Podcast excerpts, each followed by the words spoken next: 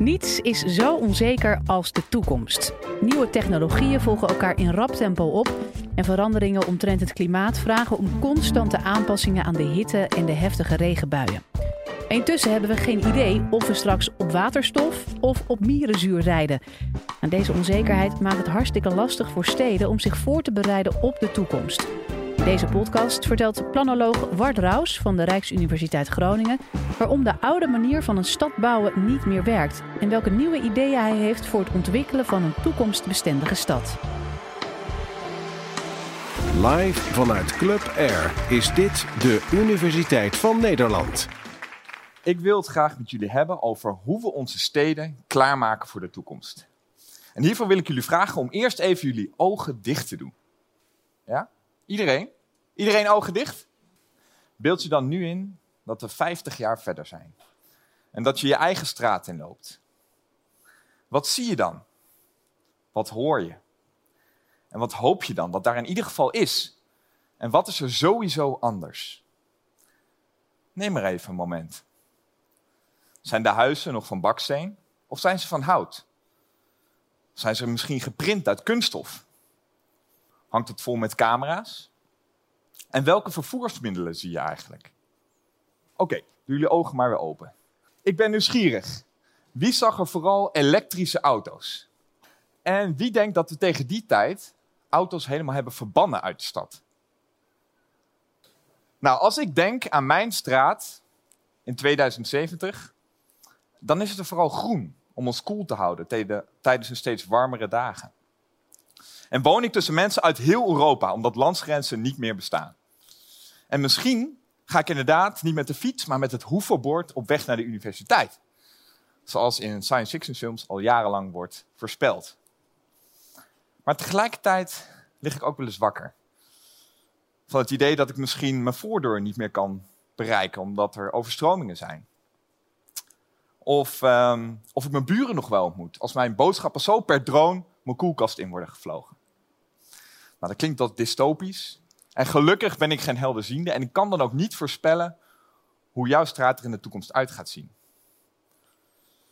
Maar wat ik wel weet, is dat de mogelijkheden talloos zijn. Rijden er inderdaad nog auto's? En zo ja, zijn die dan elektrisch, op waterstof? Rij ik zelf of gaat het automatisch? Niets is zo onzeker als de toekomst. Hoe bereid je een stad hier dan op voor? Weten we dit?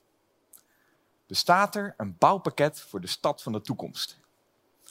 Nou, planologen hebben de bijzondere taak om te zorgen dat de stad een fijne plek is voor iedereen. En als planologieonderzoeker aan de Rijksuniversiteit Groningen bestudeer ik hoe zij dit doen. Planologen kijken uh, of er voldoende speelmogelijkheden zijn, zodat kinderen lekker bewegen. Ze plannen OV en wegen, zodat jij naar je werk of je studie kan.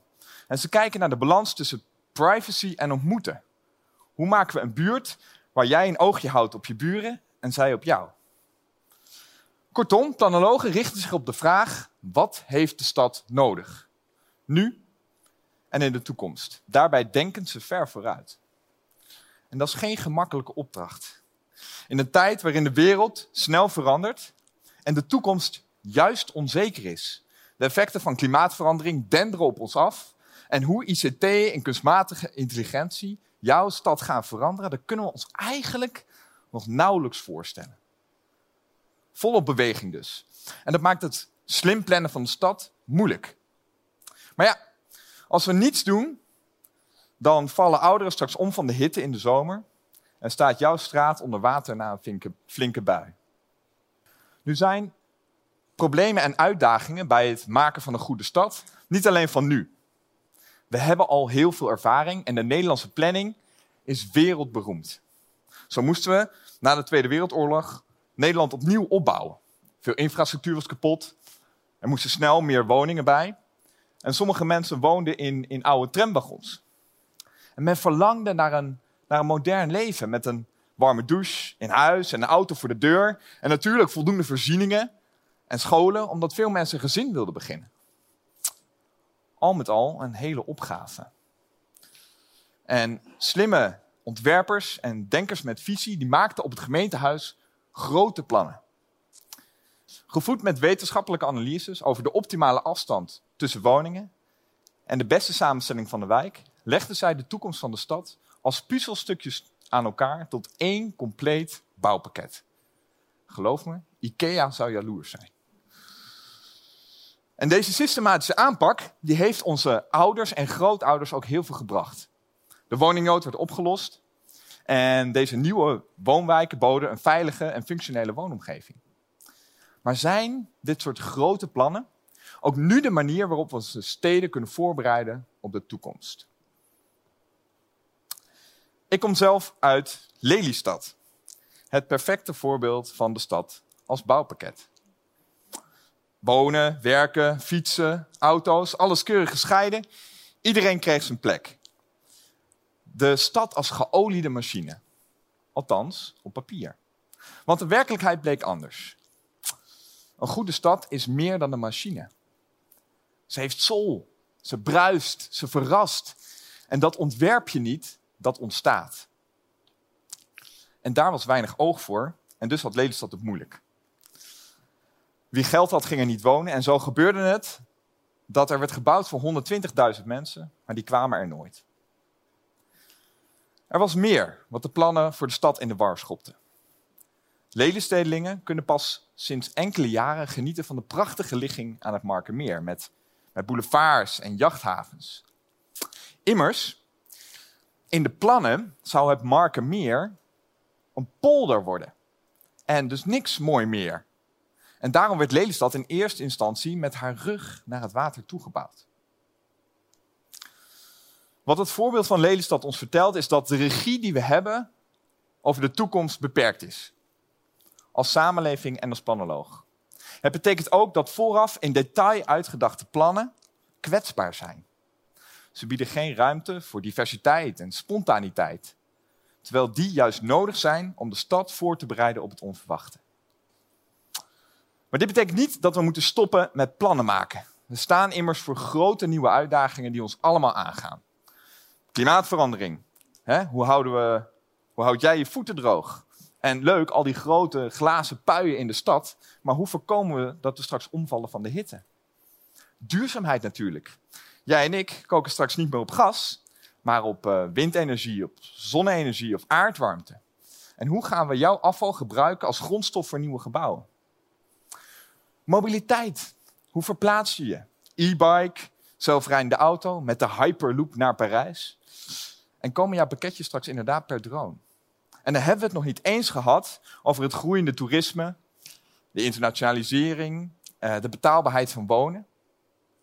Uiterst belangrijk dus dat planologen blijven werken aan een betere en weerbare stad.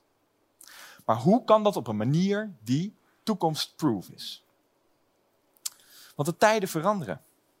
Na de Tweede Wereldoorlog verlangden mensen naar moderniteit en was het vanzelfsprekend dat de overheid en de wetenschap hierin het voortouw namen.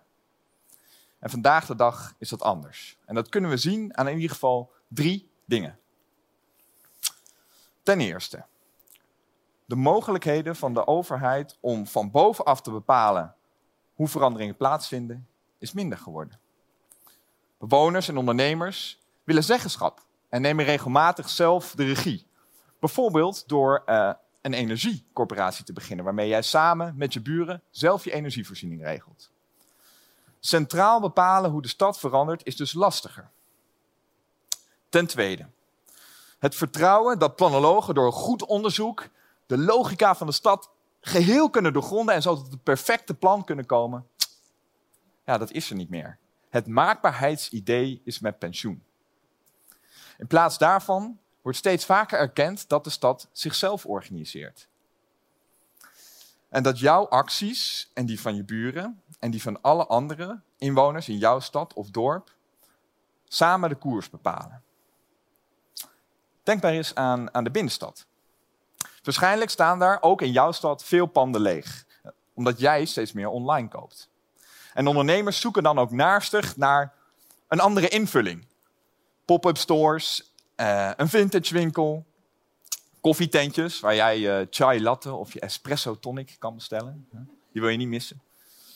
Maar het punt hier is dat er dus niet één iemand is die aan de touwtjes trekt en die bepaalt hoe de binnenstad verandert. Het is een spontaan proces. En planologen kunnen natuurlijk wel reageren, door winkeliers te helpen en door regels aan te passen zodat ander gebruik mogelijk wordt.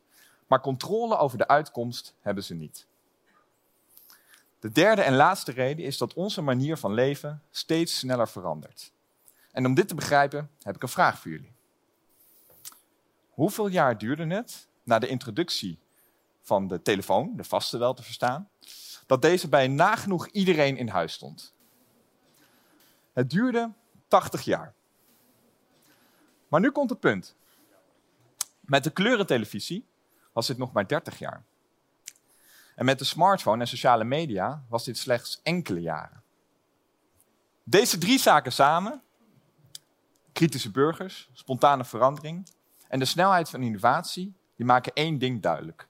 Een groot toekomstplan waarin de stad over 50 jaar staat uitgetekend, gaat ons waarschijnlijk niet helpen. Onze kennis is te beperkt en veranderingen gaan zo snel dat de oplossingen voor vandaag waarschijnlijk morgen alweer achterhaald zijn. Het puzzelen aan de stad is dus steeds ingewikkelder. Hoe kan het dan wel? Nou, dat is precies de vraag waar ik me in vastbijt. En laat ik beginnen met te zeggen dat planologen op dit moment het plannen van de stad al anders aanpakken. In plaats van een plan te maken met enkele experts, gaan ze bijvoorbeeld met alle betrokkenen om tafel om tot een gemeenschappelijke visie te komen.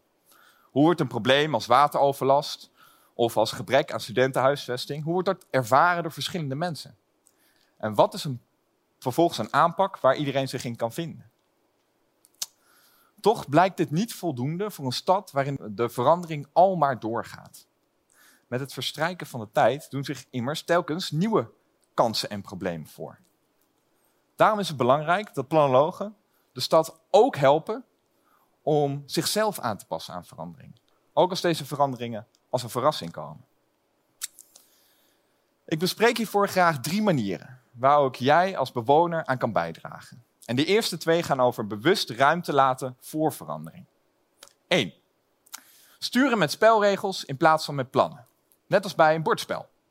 Dus je maakt dan geen eindplan voor de stad over 30 of 50 jaar, maar je verankert belangrijke waarden, zoals uh, over duurzaamheid en leefbaarheid, in de spelregels. Je plan is dan, dit is de basisinfrastructuur en dit zijn de spelregels wat je binnen dit gebied mag doen. De speelruimte. Ik doe onderzoek naar dit soort spelregels en ze zijn niet per se minder streng, maar ze laten wel ruimte voor verschillende uitkomsten. Een voorbeeld. Mm, je mag bouwen wat je wil, maar je moet zelf je duurzame energievoorziening regelen. En hoe je dat doet, met wind of met zon, en of je dat alleen doet of samen met je buren, dat maakt niet uit. En zo houden we ruimte voor innovaties die niet zijn voorzien. Een ander voorbeeld is dat je een gebouw mag gebruiken voor wonen, voor een café, wasseretten, zolang je maar geen stank- of geluidoverlast veroorzaakt voor de buurt. Dus wie net dacht, een 24 uur karaokebar, dat wordt misschien een beetje lastig. Nou, de stad Almere die oefent al met dit soort spelregels. En dat gaat met vallen en opstaan. Interessant is dat bewoners zich steeds uh, meer dan bezighouden met de inrichting van de buurt. En dat er veel verschillende huizen en activiteiten ontstaan. Spelregels in plaats van gedetailleerde plannen maken dus mogelijk dat de stad zichzelf aanpast. Het tweede idee gaat over flexibiliteit in ontwerp. Veel gebouwen worden zo ontworpen dat ze tientallen jaren meegaan en zijn bedoeld voor een specifiek gebruik. Een gezinswoning, een peuterspeelzaal, een dokterspost. Verbouwen kan, maar kost vaak veel moeite.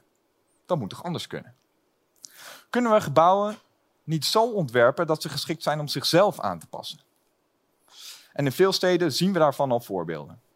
Dus een parkeergarage die ook als wateropslag wordt gebruikt. Of um, uh, scholen die worden omgezet tot oudere woningen. Maar een grotere stap zou zijn als we meer gaan bouwen voor de tijdelijkheid. En een pop-up woonwijk, hij bestaat echt, pop-up woonwijk in Groningen. En uh, ook het Jakarta Hotel in Amsterdam, opgebouwd uit houten modules, laten zien dat kwaliteit en flexibiliteit samen kunnen gaan. De materialen zijn of afbreekbaar, of kunnen makkelijk elders weer worden opgebouwd. En zo komt een huis voor even of telkens op een andere plek binnen handbereik. Flexibel en beter voor het milieu. Het derde idee gaat niet over ruimte laten voor verandering, maar sneller reageren op verandering. Daarom gaat idee 3 over de mogelijke toekomst dichterbij halen. Door te experimenteren kunnen we ons een voorstelling maken van wat de uh, toekomst ons wellicht gaat brengen. En wat ons, kijken wat ons bevalt. Denk bijvoorbeeld aan een proeftuin met uh, stadslandbouw of zelfrijdende voertuigen. Of huizen die meedraaien met de zon. Want wat voor regels hebben we eigenlijk nodig voor uh, zelfrijdende voertuigen? En een draaiend huis. Stap je net je douche uit, blijkt je huis gedraaid. Dag buurvrouw. Dus wanneer werkt dat eigenlijk? Hè? Nou, ik onderzoek welke rol bewonersinitiatieven spelen bij dit soort experimenten. In welke mate worden hun acties en hun ideeën om zaken anders aan te pakken opgepakt door de gemeente of woningcorporaties? En hier slim mee omgaan is belangrijk, want experimenten laten ons proeven aan wat wel eens het nieuwe normaal kan worden. Conclusie. Is de ideale stad een bouwpakket? Nee, een bouwpakket voor de stad gaat ons niet helpen.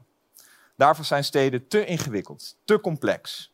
Er gebeurt veel tegelijkertijd en de ontwikkeling van de stad gaat maar door.